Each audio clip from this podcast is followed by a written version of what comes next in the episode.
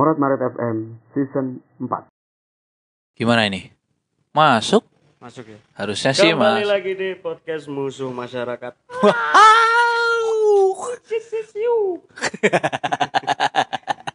Tapi versi murah. Hari ini saya bersama Tretan Muslim versi Jawa Tengah Wadaw. karena dia pakai topi yang mengingatkan saya kepada Tretan Muslim. Tapi dia pakai to- topi santai. Ini tuh bukan topi santai. ini tuh topi ini, topi penderita kanker.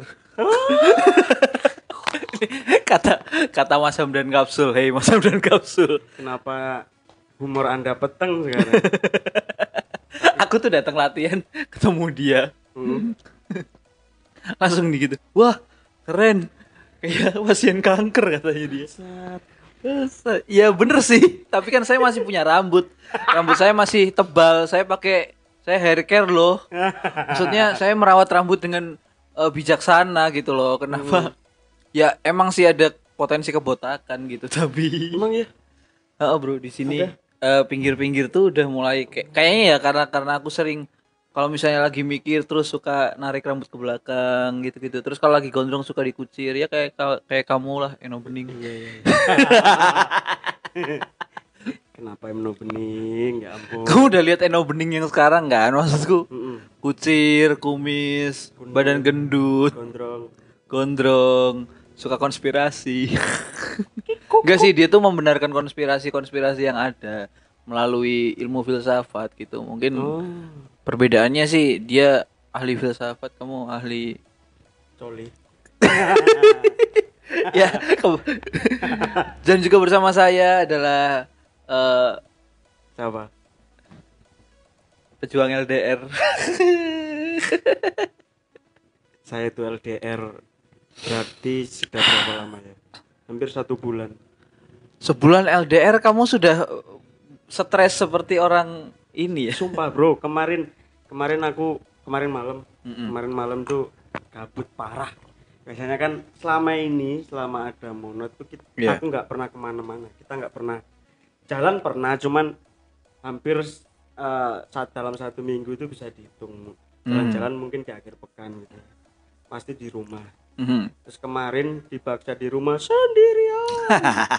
Saya bingung.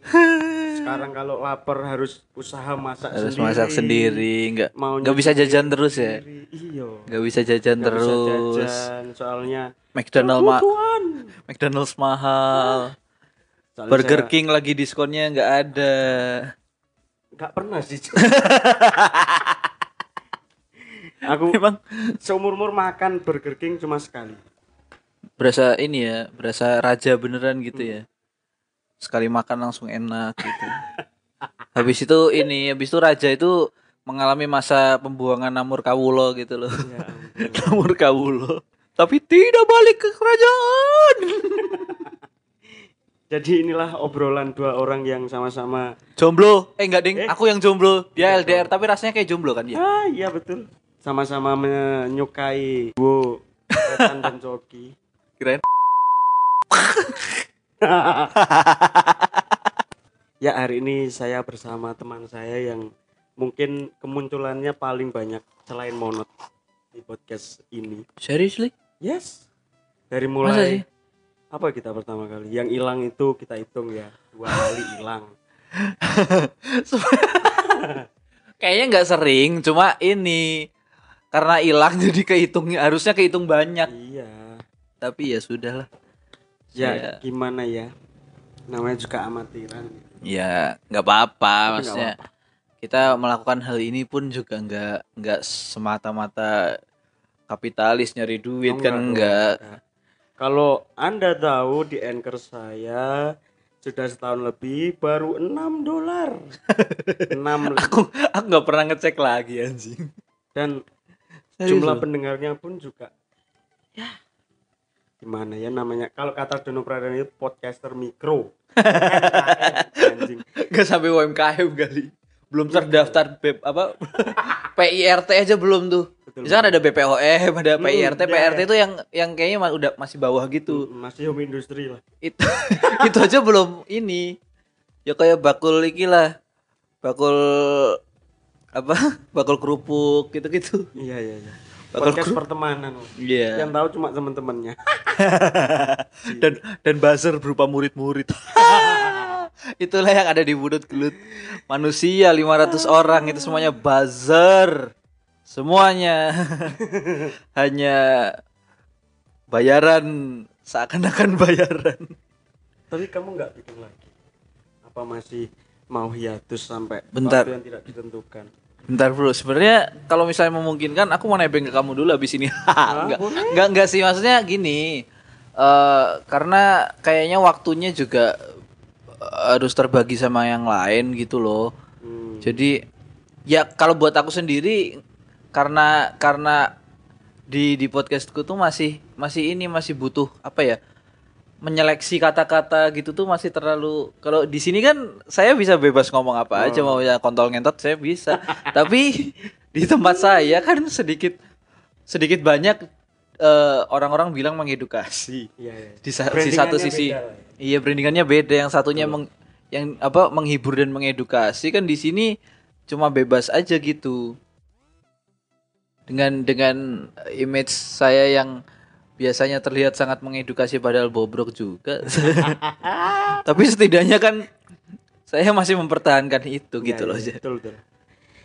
Jadi karena kesibukan Bagas ini podcast Putut Gelut tidak ada episode baru. Belum ada ya.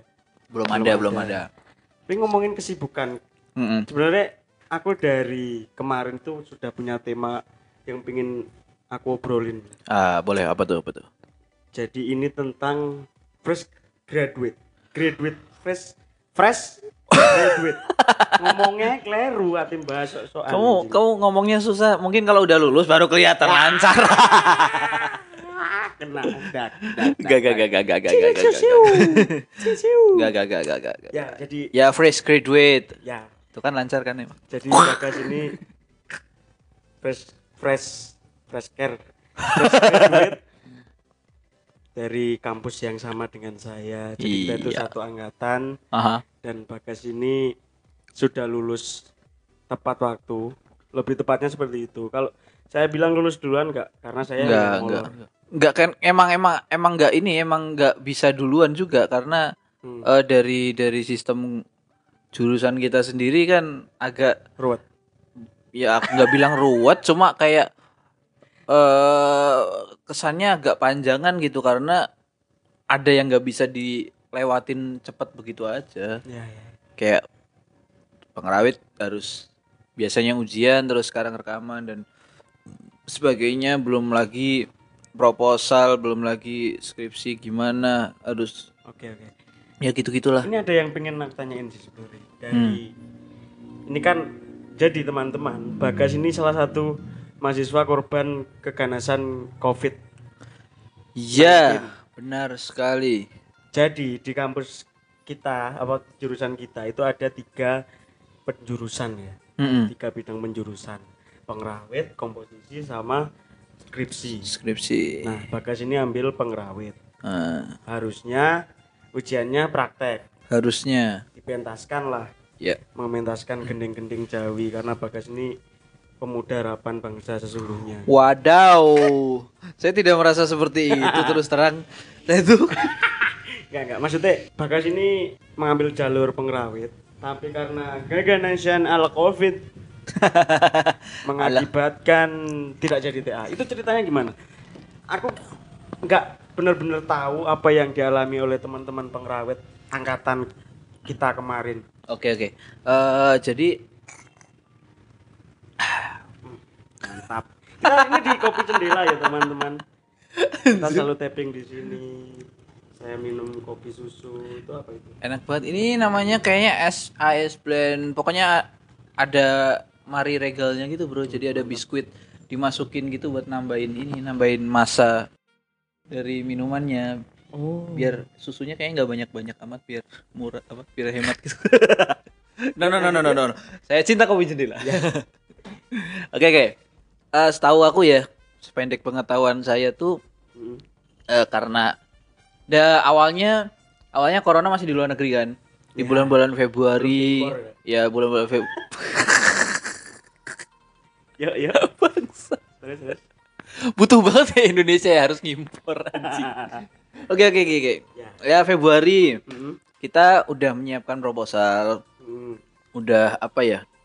Udah udah numpuk dan udah merencanakan bagaimana nanti eh, sistem ujian itu berjalan. Yap. Udah dirapatin itu juga kayaknya sekalian waktu ngerapatin pembawaan ya semester bawahku. Mm, Nah, itu Februari. Setelah itu ternyata kan Maret eh ala Covid sudah mulai menyebar ke tanah Jawa. Yang Yes. dulunya cuma di kayak di Batam, tiba-tiba udah di Jakarta, Jakarta udah tiba-tiba udah di Solo aja kan waktu itu di daerah Solo Pucang Sawit nggak kalau nggak salah. Salah satu kota pertama nggak sih? Iya, di Kayak- Jawa Tengah. Yang apa? Yang mengaktifkan kondisi Iya, Luar lockdown. PSBB dan gitu-gitulah. Nah, Hmm, terus terus. terus kan berhenti kan ya. Ah. Proposal juga berhenti di situ gitu. Oh. Ah, maksud berhenti itu ini apa namanya? Nggak tahu karena COVID atau karena memang kesibukan dosen-dosen itu, jadi Hmm. proposal itu ketahan hampir beberapa bulan, kayak kayak dua bulan tiga bulan. Oh, proposal sudah di tangan dosen. Iya sudah di tangan Kaprodi kalau nggak salah, tapi terus eh, ada dua bulanan gitu beren- eh, tidak terproses. Hmm. Nah akhirnya terproses dan pada akhirnya eh apa namanya si waktu itu kan eh, rekaman gending. Hmm. Tapi kayaknya eh sebelum covid tuh memang ada ada udah ada alternatif untuk ini skripsi karya seni itu dari rekaman itu gitu loh. Oh. Awalnya kan kayaknya rekaman itu tuh dulu cuma diperuntukkan untuk dokumentasi dan siaran di RRI. Tapi karena nggak bisa pementasan akhirnya itu yang jadi acuan untuk bikin skripsi Oh. gitu. Untungnya sem- sudah sempet ini. Ada alternatif gitu. Oke, Terpikirkan ya karena mungkin juga memikirkan anak corona yang diprediksi akan menyebar juga gitu. Oh, berarti sebelumnya memang sudah Sudah ada prediksi bahwa Prediksi akan- alternatifnya Oke, begitu oke. gitu. Nah, terus akhirnya kan setelah eh ketok palu jadi semuanya skripsi, Ya. ya sudah orang berproses sendiri-sendiri. Oke. Makanya lulusnya ada yang duluan, ada yang belakangan gitu-gitu. Tapi Kamu ala- kapan sih? Aku di bulan Agustus akhir. Oke, oke. Sebenarnya aku bukan yang pertama juga gitu. Hmm. Gak apa-apa sih aku mah aku ter aku mungkin eh, yang penting waktu itu Hmm. bisa tepat waktu dan tidak molor dan tidak bayar UKT lagi. Iya, betul. Karena sangat mahal. Berapa sih? Teman-teman tuh teman-teman tuh beruntung loh sebenarnya dapat UKT yang sejuta dua juta Kamu berapa? tiga juta tujuh ratus lima puluh tiga tujuh ratus lima puluh itu sih masih belum yang termahal sih sebenarnya tapi kan buat buat orang yang hidupnya biasa-biasa saja seperti saya Itu kan kalau buatku 7 semester. Kan aku 500 ribu. nah itu dia Makanya jadi yatim. Teman-teman. Wah, aku baru tahu, guys. wasu Eh, pas pas aku kemarin sempet demo masalah UKT yang sempet rame itu, Mhm. aku baru tahu itu dari Pak Pram. Pak Pramutomo. Iya, iya. Wakil dekan 3 atau berapa itu ya. Mm. Dia bilang kalau UKT 500 itu diperuntukkan untuk teman-teman mahasiswa yang tidak punya orang tua. Termasuk saya. Terus baru saya baru tahu. Oh, ternyata yatim ada untungnya. Oke. Gitu. ya gitulah Agustus aku lulus eh, intinya untuk mem- untuk apa pokoknya mepet-mepetin biar tidak terbebas dari UKT Ah, itu pokoknya dan aku akhirnya ya alhamdulillah berhasil sebenarnya bukan dan aku biar bukan yang pertama juga gitu loh. Eh, terus ya sudah habis itu apa yang harus bisa dila apa yang bisa dilakukan aja di situasi yang harus di rumah gitu loh. Akhirnya nerima pesanan klien lah bikin-bikin musik kayak apa gitu. Oke. lebih sering ke sana. Terus kalau misalnya eh, ngebantu-bantu proyeknya kantornya papaku kantornya papaku juga kadang-kadang butuh eh, konten video atau konten ya s- eh, desain gitu-gitu.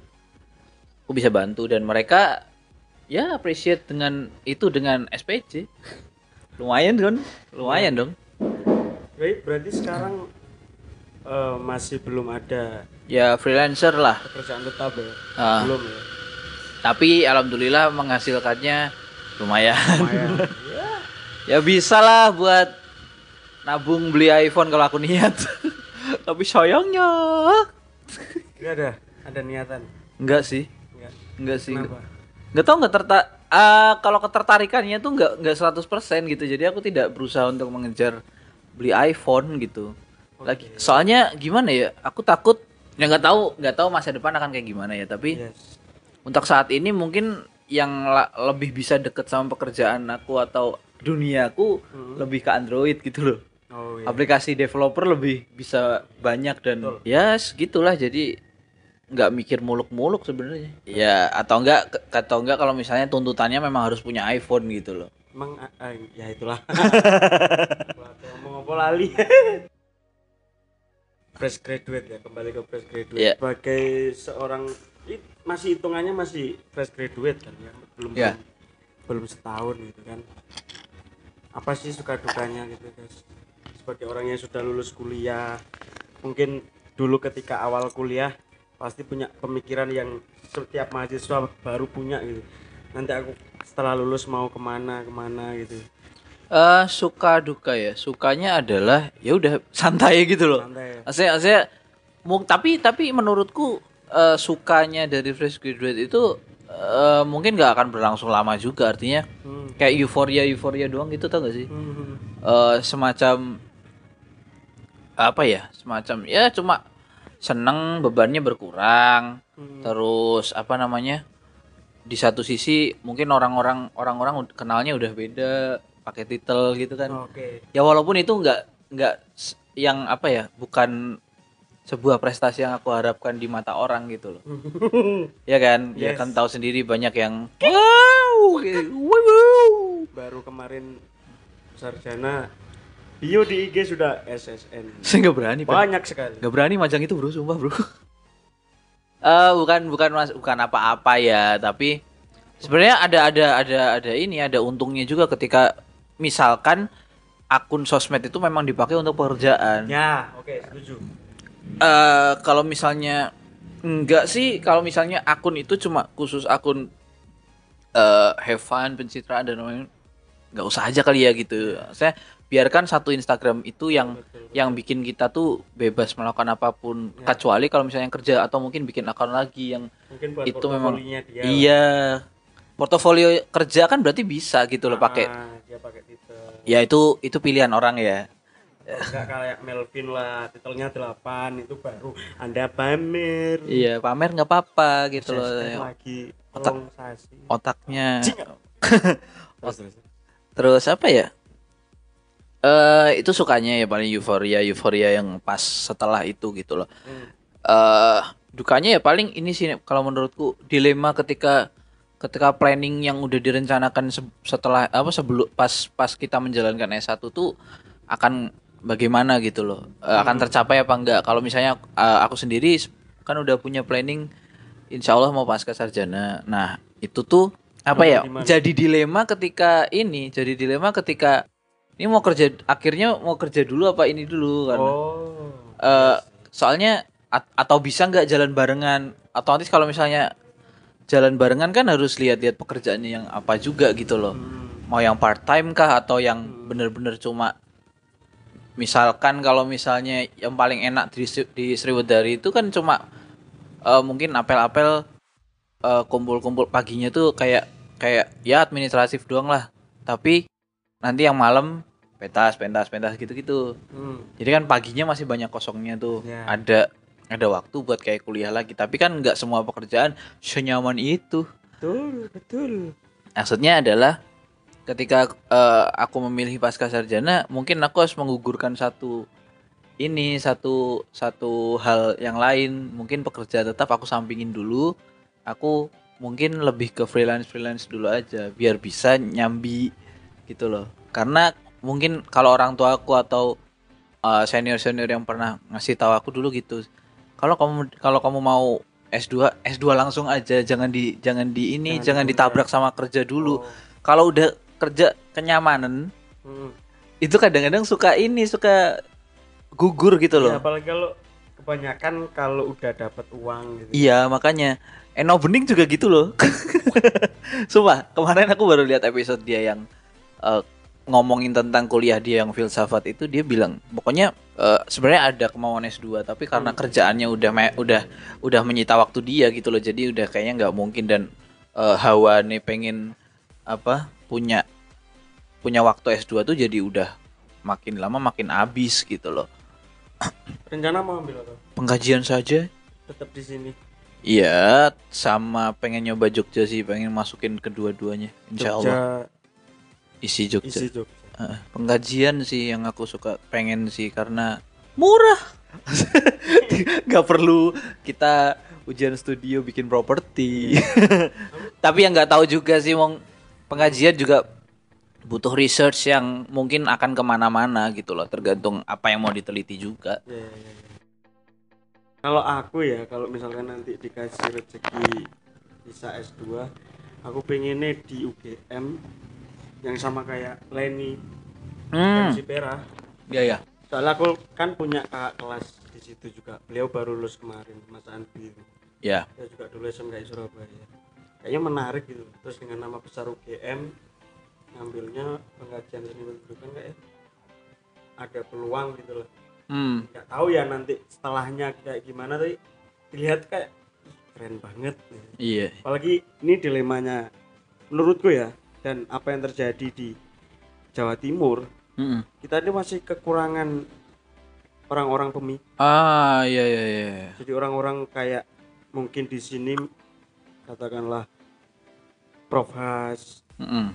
ya profesor-profesor itulah di sana kan belum ada Iya. Aku yang aku yang terakhir tahu sih itu Pak Wahyu Diarto itu yang penari. oh ya ya beliau Dia baru beliau juga kayak- baru publish buku, baru lulus beberapa. Mm-mm. Baru lulus deket-deket ini kan maksudnya. Mm-mm. tahun berapa ya? Kemarin dia kan ngambil tentang Remo. Aku aku kemarin ikut ngiringin sih di teater teater besar itu. Fresh graduate. Apa sih? Apa ya? Pengen tahu apa nih ya?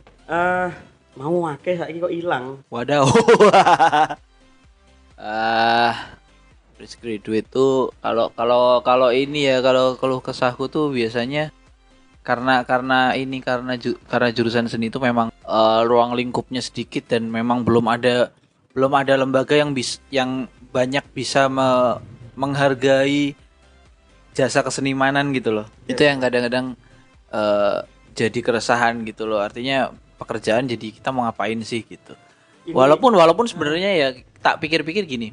Nah. Andai kan di di buku di buku panduan kampus itu ada beberapa ya kayak koreo kayak misalkan tari ada koreografer, ada pencipta, ada eh, pelaku, ada manajer, ada kurator dan sebagainya. Kalau di pengrawit eh kalau di karawitan mungkin ada ya s- pengrawit komposer, Hmm, ya kurator juga, manajer juga. Tapi kan ya untuk kebanyakan kebanyakan orang yang eh, mungkin lulus dan mengandalkan skill dan itu kan maksudku gini, belum ada pekerjaan yang bisa memberikan nilai secara pasti gitu loh.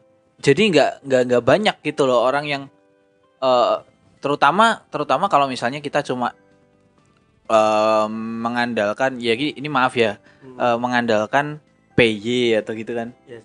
Yang yang nilai apa nilai rewardnya itu sebenarnya random gitu loh. Eh jadinya tuh kesannya kayak entah entah pa- pada akhirnya ada branding sarjana seni pun kita nggak bisa pastikan bahwa ini layak dapat ini loh dapat dapat dapat penghargaan yang tepat gitu loh sesuai dengan brandingnya sesuai dengan skill yang dijual gitu loh. Ya permasalahannya mungkin sekitar situ kan. Ah, jadi ya mohon maaf nih eh, misalkan kita punya grup isinya sarjana semua mainnya di Klaten siang malam hmm. misal dan yang eh, yang di mana Klaten sendiri nggak nggak banyak eh, ap- bukan nggak banyak apa ya di Klaten sendiri tuh metode penghargaan untuk apa jasanya itu sangat wiu. ya maksudnya random gitu loh kadang Yap, yap. kadang beras juga kan gitu So- iya ya nggak tahu sekarang Nggak maksudnya tahu tapi tapi pernah ada riwayat memang ada yang pakai sembako ada yang pakai gitu ya mungkin sama uang juga tapi nggak seberapa gitu loh karena udah ditombok sama yang ini gitu loh nah itu kan jadi jadi permasalahan seniman sampai sekarang gitu loh iya di satu sisi seniman juga mau mematok harga takut gak laku gitu-gitu. Padahal menurutku branding branding apa branding seniman itu penting gitu loh. Aku suka sama konsep yang diterapkan sama Miing Bagito.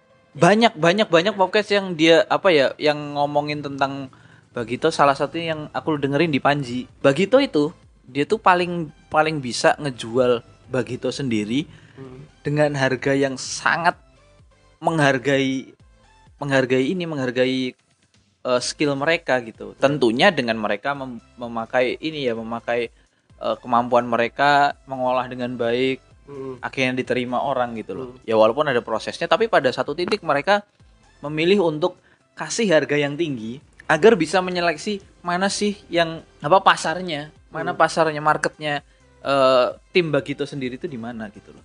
Oh. Akhirnya bisa kok. Yang yang kayak gitu bisa bisa nyabet korporat terus. Dan karena mereka mampu untuk mengolah eh, jokes mengolah sketsa sesuai dengan eh, siapa yang nanggap lah atau siapa yang apa ya meminta jasa mereka mereka ini loh mereka bisa dapetin segitu gedenya gitu. Dan suatu hari saya ya mungkin suatu saat senior senior itu terus tanya kan akhirnya kita kan seniman masa harga sih? gitu. Masa matok harga? Bang Miing tuh gini loh dia bilang gini kapan orang bisa menghargai profesi seperti ini? Jadi jadi men- bisa membuka pikiran kita tuh bahwa harusnya dengan branding sarjana kita harusnya bisa dapat yang lebih tinggi dong. Dapat penghargaan yang lebih baik gitu. Ya. dengan manajemen yang tepat gitu loh. Artinya kalau dan memang skill yang skill yang harus dibutuhkan harus bagus kan. Jadi menurutku branding itu sendiri perlu karena itu menentukan nasib kita juga bro. Pada akhirnya kan kok seniman-seniman yang udah senior-senior kita yang udah gede Mas Gondrong misal. Kan bisa matok harga tinggi ya karena memang satu skill karena satu lagi dia memanage dengan baik. Dan bisa mema- mewadai sarjana-sarjana sarjana seni yang pengennya meng- hidup dengan seni jadi bagus gitu loh. Ya berarti memang dibutuhkan kemampuan dalam memanajemen ya. Iya. Buat buat orang-orang seperti kita gitu. karena selama ini mungkin kalau apa ya yang berkaca dari yang sudah yang sudah sudah gitu, hmm. di desa-desa ketika ada anak kuliah seni pasti yang mereka lihat kampusnya oh ini kampusnya isi Surakarta besar. Ya.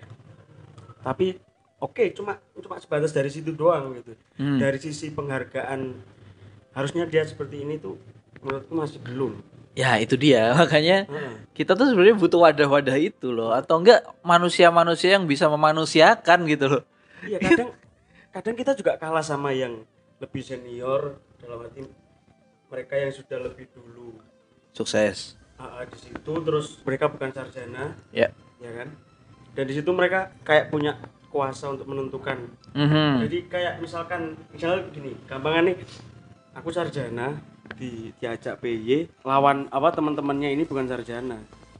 Ketika hargaku dinaikkan yang bukan sarjana ini pasti nggak terima gitu. Nah. Kebanyakan seperti itu yang terjadi. Iya. Ya ya memang memang kan ini ya sebenarnya perlakuan seperti itu tuh secara standar benar. Hmm. ya secara standar ini maksudnya kalau dilihat dari ini ya jenjang ya. Hmm. tapi kan akhirnya jadi kesenjangan kalau misalnya ada yang seperti itu. Aku juga kadang-kadang tuh eh, mengalami seperti itu juga. Jadi ketika branding saya sudah jadi branding anak kampus seni hmm. eh, orang-orang tuh mencoba menghargai dengan eh, penghargaan yang lebih tinggi gitu loh. Hmm. tapi mungkin manajer-manajer ini berusaha menutupi itu juga. Jadinya nggak nggak kerasa timpang gitu loh. Ya memang menurutku sih ya itu bukan masalah eh, sarjana atau bukan tapi bagaimana mengolah branding itu sebenarnya. Dan sebenarnya menurutku sarjana seni juga harus bisa nge-branding orang gitu loh. Ketika kita oke lah kalau kita misalkan punya grup yang eh, literally bukan orang-orang sarjana seni atau orang-orang jebolan sekolahan atau gimana. Tapi andaikan kita bisa nge-branding mereka-mereka ini jadi bagus, kan nggak cuma mereka yang bagus, nama kita juga bagus gitu loh. Itu itu yang sebenarnya menurutku juga harus dimiliki orang-orang seni gitu loh. Kadang-kadang mereka eh, kadang-kadang banyak yang pasrah akan keadaan, Nah, itu. tapi sebenarnya mereka bisa bergerak untuk sesuatu yang lebih beda gitu.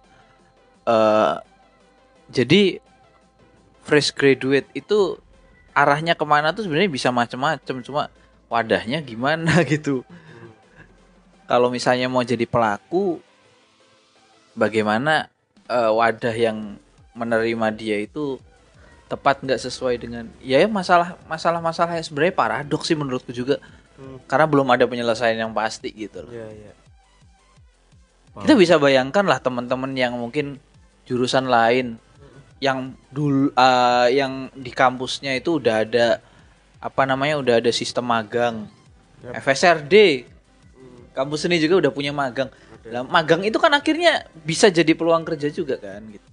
Ya, sayangnya mungkin kita magangnya seni pertunjukan ya di tempat-tempat pertunjukan. So gimana kita nanti apa dapat pekerjaannya juga ya di tempat magang-magang itu gitu loh. Ah, peluangnya, peluang kerja yang kita akan kita dapatkan juga dari magang-magang tersebut.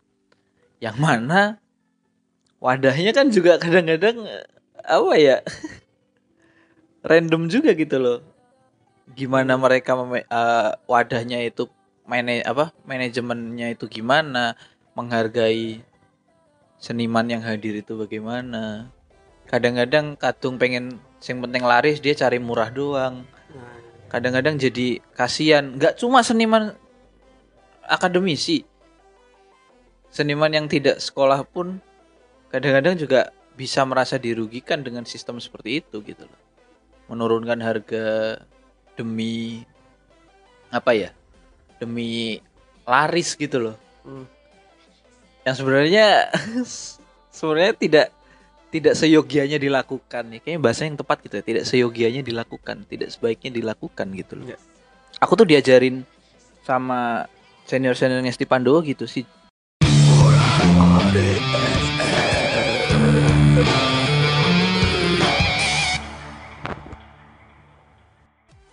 Ketika udah udah ada branding yang baik, kita bisa kasih kita sebenarnya juga bisa kasih untuk memanusiakan orang gitu loh. Kasih apa? Kasih apa fee fee polisinya polisinya tuh buat menghargai orang yang di dalamnya gitu loh. Kalau di Semarang kan memang kotanya kota-kota bisnis jadi untuk nge-branding dan cari cari apa ya cari sumber jadi sumber cuannya tuh lebih mungkin lebih bisa gede gitu loh. Pada akhirnya kita harus kalau misalnya ada peluang itu kita kan harus tinggal brand apa branding branding dari organisasi seperti apa gitu loh. Harus dimajukan, harus dipoles lebih bagus lagi. Nah, setelah itu kan seniman yang ada di dalamnya kan jadi ter- merasa aman dengan pekerjaan atau dengan eh, komunitas mereka gitu loh. Hmm, hmm. Itu sih yang jadi yang jadi keresahanku juga soal nanti tuh fresh graduate tuh gimana gitu loh. Pada akhirnya kan eh, para fresh graduate fresh graduate ini mencari lahan yang kadangkala tidak semestinya untuk orang seni.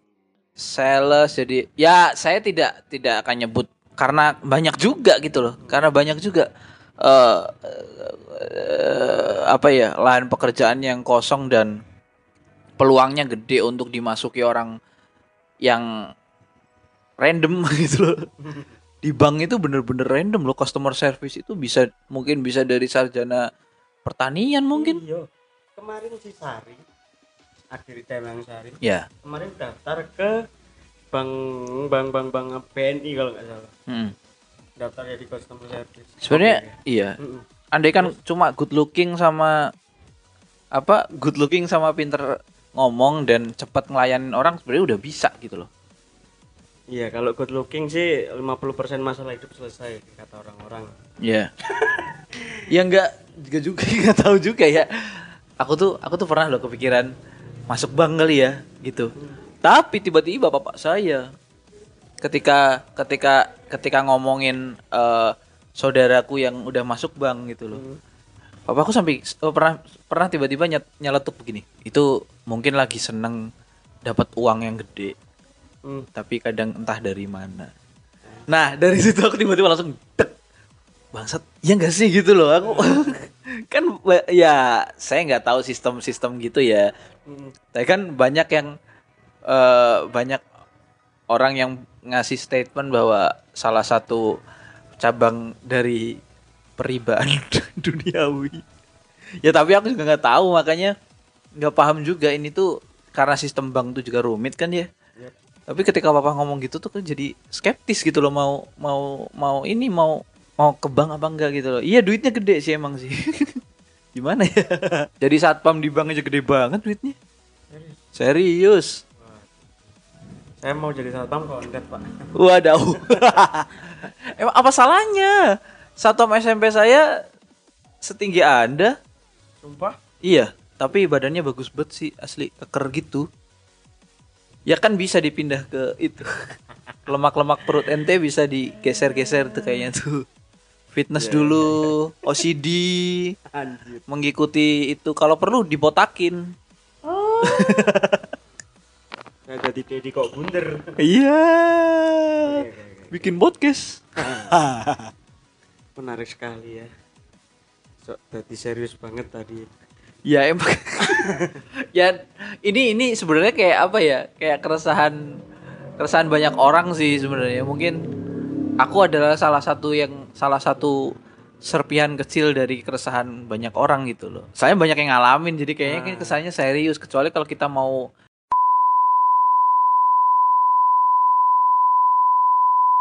Kali kemarin kan aku eh, kepikiran ngebahas ini tuh gara-gara aku lihat teman-teman angkatan kita itu banyak banget yang udah lulus tapi masih kebingungan gitu loh. Termasuk pacarku sendiri. ah Dia kan tanggal 30 mau tes CPNS. hmm, Sebelum ada pengumuman itu, dia tuh kayak orang kebingungan gitu loh. Oke lah dia di sana punya sanggar. mm-mm. sanggar itu mau diturunin ke dia cuman dia tuh pengen punya penghasilan tetap yang setiap bulan lancar gitulah kalau sanggar mungkin kan eh ya memang lancar cuman nggak pasti jumlahnya karena setiap setiap bulan itu anggotanya nggak tetap gitu Iya. ada yang keluar ada yang masuk belum lagi kalau misalkan murid-murid SD itu sudah kelas 6 SD gitu kan dia Hmm. udah nggak nyanggar lagi cari lagi murid cari lagi kesulitannya double double gitu loh Iya. itu yang jadi ke- kebingungannya dia Terus aku lihat teman-teman yang lain ada yang kerja di all shop ada yang jualan ada yang masih bingung mau ngapain Iya. ada yang masih jadi beban orang tua banyak sekali Aku tuh sebenarnya pernah kepikiran jadi dropshipper. Ya reseller dropshipper gitu. Ah. outfitnya yang biasa aku pakai eh apa ya? Yang modelnya simpel-simpel gitu loh. Kamu tahu apa? Turtleneck yang sering aku pakai itu, Hmm. yang hitam. Nah, aku tuh tadinya tuh pengen itu gitu loh. Kayaknya kalau misalnya aku bener-bener gabut, aku akan ambil itu sih. Ya buat ngisi waktu aja. Produknya seharga 300 ribuan. Dan saya nggak tahu nanti marketnya di anak-anak kosan tuh akan worth apa enggak. Tapi ya pengen lah nyoba gitu. Hai, mamaku tiba-tiba pernah gini, dek, mau modelin yuk, mau nggak? Ya aku sih ada sebenarnya kemauan dan ada ada ada ada satu brand yang aku suka. Kayaknya kayaknya kalau aku jualin ke orang lain bisa lebih bermanfaat gitu sih aku cuma mikir begitu. Hmm. Cuma belum belum aja belum ada minat 100% aja gitu loh karena ya kayaknya masih ada hal-hal yang harus aku kerjakan lebih dulu gitu.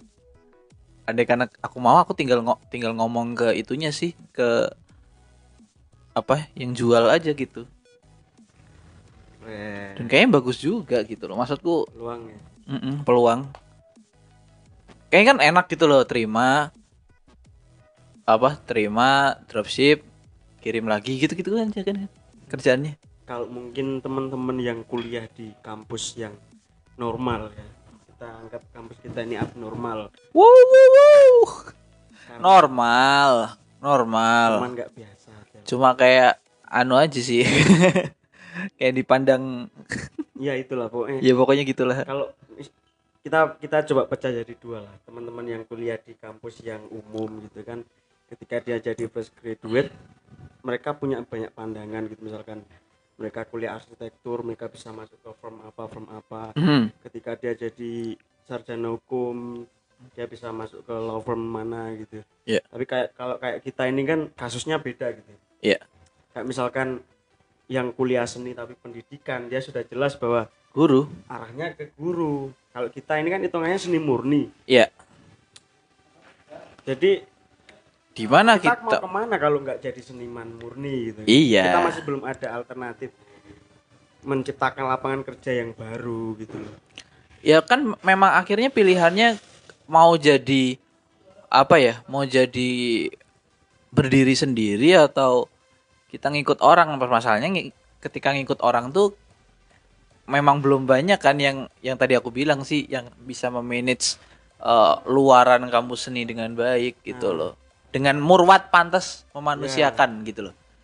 Ditambah bidang yang kita apa yang kita gelutin ini kan oke mungkin sama-sama bidang seni pertunjukan Iya tapi kalau dibandingkan dengan bidang musik populer Aha. secara manajemen dan lain sebagainya kita itu masih belum terjamah sama sekali gitu eh ketradisian kita tuh masih melekat ya Ah, ah. termasuk manajemen termasuk manajemen gitu ya Solo Raya, gotong royongnya masih ada. iya makanya kita itu masih belum tersentuh dengan hal-hal yang sifatnya itu memajukan industri kita. Mhm. kalau misalkan di musik ada label ah ya, ada produser ada apa. Kalau di kita kan apa? Standarisasi untuk Belum- eh, belum uang ada. yang apa standar standarisasi fee seorang pengrajin pun belum merata. Belum merata dan dan katanya ada di Jogja sudah. Cuman di daerah-daerah tertentu ya. Solo dan lain sebagainya kan belum ada dan Dan belum ini, belum apa ya, belum kesannya tuh belum lazim, nah. Belum lazim gitu loh. Ketika ada orang yang standar nih satu satu pengera, eh, satu orang misalkan ada fee kudu 500 ribu misal, hmm, kan belum belum belum sampai ke situ gitu loh. kita kita apa ya sistem kita tuh masih sering borongan. Ya ya ya kan? Sistem kita tuh masih si- kayak borongan. Ini segini harus dihitung cukup pas. Hmm. dan kalau misalnya kita main bener-bener merata itu yang mereka dapatkan ya bisa jadi bagus atau bisa jadi kurang memuaskan atau mungkin sangat ya tapi gitu gitu loh. Eh, tidak ada standarisasi untuk penghitungannya tuh belum kayak kecuali kalau misalnya memang kita apa ya ikut berkesenian itu kayak di kantoran misalkan dinas kedinasan gitu kan SPJ jelas. Misalkan eh, kita ada kita adakan proses latihan berapa kali dengan uang makan segini. Misalkan ya transport eh, untuk satu satu hari misalkan 50.000 ribu. Itu kan kayak udah cukup bensin sama misalkan gitu ya. Eh, misalkan latihan 10 hari berarti udah 500.000 ribu duluan. Nah terus nanti honor pas pentasnya berapa eh habis itu kalau misalnya ada bagian-bagian khusus yang dirangkap sama pemain kalau misalkan di seni tradisi kan kadang-kadang panggungan kan suka sutradara di, merangkap apa pemain dan sebagainya. Maksudnya ada penghargaan khusus komposer penghargaan khusus. Lah manajemen ini yang eh, harusnya mungkin ada juga gitu loh untuk untuk apa ya untuk manusia-manusia seperti kita gitu loh. Dan harus jelas. Makanya eh, hasil yang kita dapatkan ketika kita ikut ses, apa ses- eh, kekaryaan di dinas atau di lembaga-lembaga formal itu biasanya memang jelas gitu loh. Arahnya jelas. Dan andai kan eh ya gampangannya mungkin kayak kalau di Sriwedari kan akhirnya kan pakai pakai apa ya gaji gaji ASN karena diangkat menjadi ASN dan itu karena model sistemnya kayak eh, sebulan dapat segini kan otomatis pengabdian sebulan itu harus diperhitung apa harus harus harus lengkap lah. Misalkan nanti kalau ada yang absen absen pasti kan ada pemotongan dan sebagainya. Dan itu kan benar-benar penghargaan yang tepat untuk apa ya pas untuk kebutuhan apa ya kok kebutuhan untuk kewajiban yang kita berikan gitu loh. Berarti oke kita ralat ya. Berarti bukan bukan belum ada tapi belum merata sebenarnya. Iya belum merata. Kalau jadi mungkin yang sudah termanajemen dengan baik itu di bagian instansi-instansi Nah. kedinasan gitu kan yang jelas-jelas cuman yang buat yang bergerak secara swasta masih belum. Iya. Ya karena di karena swasta pun ngukurnya juga kita nggak bisa pastikan juga kan ya. Hmm. mau gimana. Dan menurutku juga karena ini sih eh, orang awam atau orang luar yang istilahnya jadi apa ya kalau orang kita bilang penanggapi kan belum belum punya edukasi yang cukup tentang gimana sih cara eh, menghargai Iya. teman-teman seniman ini gimana sih dunia mereka gimana sih standarisasi yang tepat. Eh, ketika kita eh, negos negosiasi tentang harga dan lain sebagainya. Andai kan ya pemerintah tuh eh, paling nggak cuma mencanangkan Mm. sistem eh, tarif dari sebuah apa tarif untuk nanggap kesenian gitu misalkan Mm. mungkin akan lebih mungkin akan lebih ini ya mungkin agak lebih eh, apa sifatnya lebih agak formal dan agak bisa ditata gitu loh misalkan aja misalkan ya andaikan andaikan bisa juga siap baru ngangen-angen juga andaikan pem- eh, misalkan pemerintah kota atau kabupaten Mm. kalau misalnya di suatu daerah apa pokoknya pokoknya bikin bikin apa ya standarisasi ya semacam undang-undang daerah gitulah Mm. kayak buat penghargaan penghargaan jasa sebuah apa seniman atau aktivitas seni nanti per yang satu orang berapa ya kayak model UMR gitulah Tak- itu kan jelas gitu loh Mm. dia kalau misalnya emang diatur dalam undang-undang khusus itu kan berarti ada perlakuan khusus. Dan itu kayaknya kalau misalnya jalan si penanggap-penanggap ini juga harus kalau misalnya udah tahu gitu kan berarti ya tinggal menjalankan aja. Nanti kita dapat juga murwat eh, yang lah eh, yang nanggap juga mungkin bisa bersikap sebagai warga yang baik. Nah, pahala juga bisa gede kan ya keuntungan lah banyak keuntungan lah. Maksudnya hello sekarang duit 50.000 ribu aja buat makan aja cepet habis sehari nggak ada mungkin ya semacam itulah kayaknya uang tuh semakin sekarang semakin eh semakin kecil nilainya secara apa ya ya pokoknya kecil lah secara pemakaian gitu semakin ke sini semakin cepet habis makanya untuk harga-harga seniman juga jangan jangan rendah-rendah amat tau gak sih iya betul betul betul. Keren keren keren keren keren. keren. Gila. Ya memang ini ini rumor lama sih sebenarnya ya. Tapi memang nggak nggak ada selesainya gitu loh. Memang nggak ada selesainya. Mungkin terakhir ya. Hah. eh pesan untuk Waduh. Wah. Wow wow wow. di luaran sana terutama yang Terakhir nggak ada yang begitu. Eh, Ada nggak sih yang nggak pesan seni. pesan untuk orang-orang? Dude, aku tuh nggak nggak nggak nggak ini bukan orang yang tepat untuk ngasih pesan orang. Oke oke lah oke lah kalau nggak gini deh apa ya mungkin sharing lah ke teman-teman apa sih yang harus dilakukan ketika kita menyandang status sebagai fresh graduate Masya Allah. di bidang kita Gak bisa saya. nggak bisa ya ya nggak Gak maksudnya eh kadang-kadang aku mikir begini loh. Apakah manusia eh, apakah yang teman-teman butuhkan itu juga memang yang hanya seperti itu? iya sih kembali ke orangnya ya Nah, kalau udah udah kecentok omongan kembali kepada gitu kan udah selesai. Iya sih. Makanya kan kadang-kadang sesuatu yang sesuatu yang paradoks seperti ini tuh ya kita mau pikir juga paling balik ujung-ujungnya balik gitu-gitu loh. Iya, iya, iya. kecuali kalau misalnya kecuali kalau misalnya ini ya yang yang memberi inovasi bener-bener mungkin orang-orang petinggi atau gimana mungkin akan beda cerita sih. Ada kan diatur undang-undang daerah gitu loh. Kayaknya asik deh. Maksudku eh UMR khusus gitu-gitu. Iya. Mas Gibran, Mas. Mas Diko tolong ya Mas Mas Diko. Mas Diko Mbak Caca Fredrika ya ampun. Mbak. Bupati saya artis anjing. Bupati saya artis, istri saya istri istri bupatinya ya ampun main FTV, main film. dia masih aktif nggak sih? Ya karena udah jadi istri orang dan jadi pejabat kayak ya aktifnya ya udah di kendal-kendal aja gitu ya. Kadang-kadang masih ini di Islam itu indah sama jamaah gitu-gitu.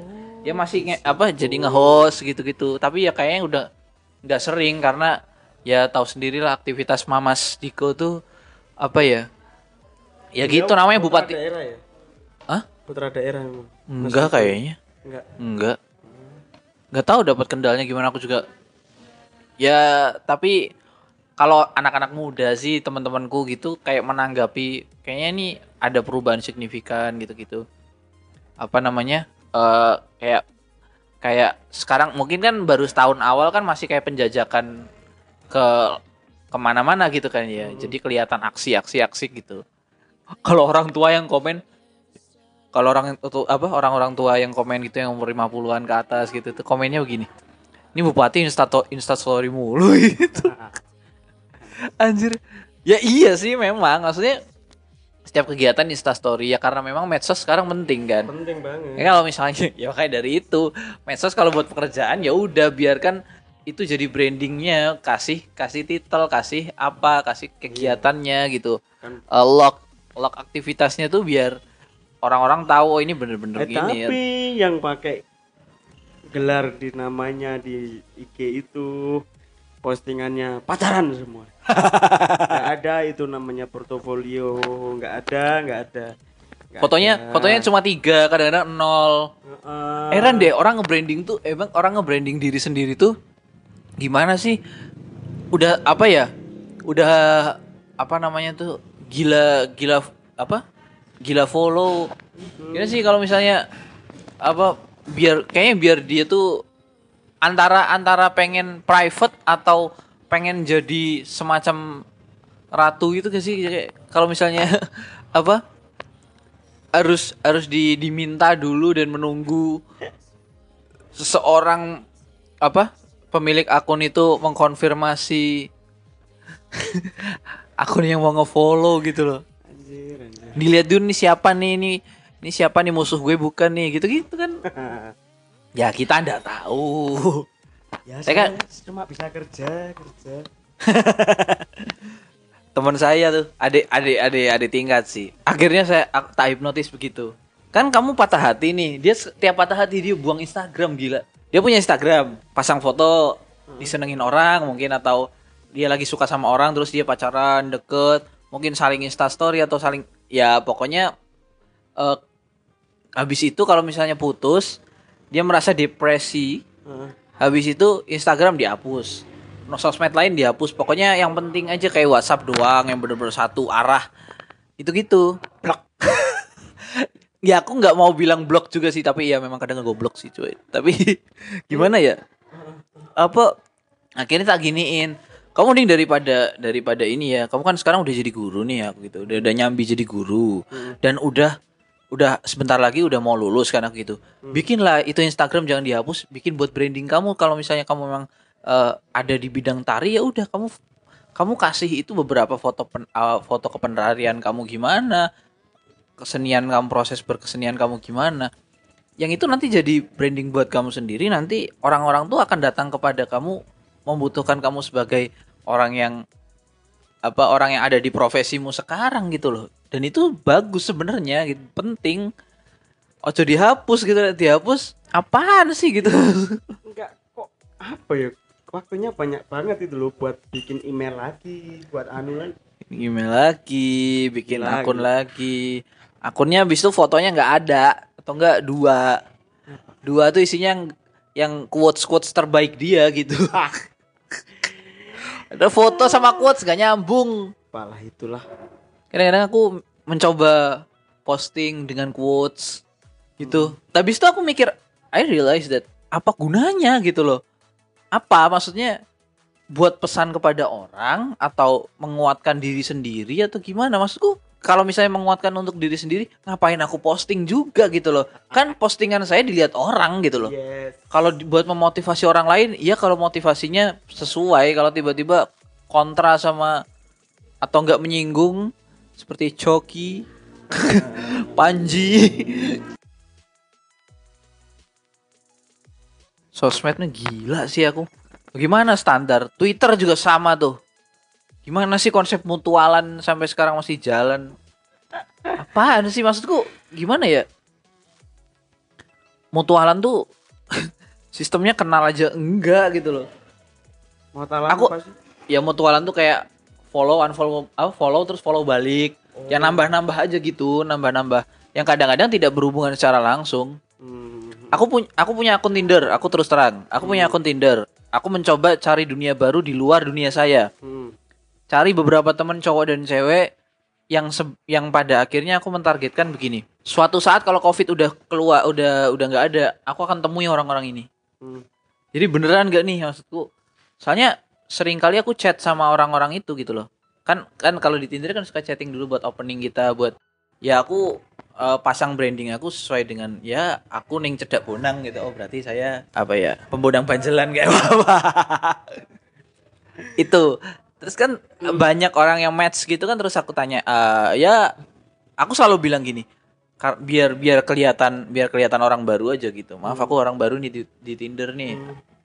Eh, jadi kalau kesannya formal maaf ya aku bilang gitu terus aku tanya nama kayak nanya apa tempat di mana kuliah atau gimana yang nanti kira-kira aku bisa dapetin lokasi dia dan sekitarnya tuh di mana biar nanti kalau misalnya suatu saat ad- ada ada waktu aku bisa ketemu gitu loh. Dan aku coba ngobrol sama dia gitu.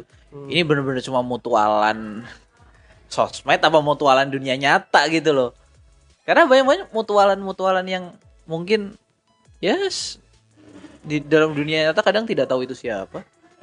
Makanya aku pengen tahu gitu loh. Aku dapat temen yang bener-bener anak bar anak bir gitu gitu ya pengen sih ketemu gitu loh Maksudnya ngobrol apa sih dunia sekitar dia tuh apa gitu gitu aku nggak mau mutualan yang cuma follow dan follow lagi gitu loh kadang-kadang Hmm. ada sih yang begitu cuma kan suatu saat memang aku pengen ketemu sama dia gitu Ki, ki, ki, ki, ki.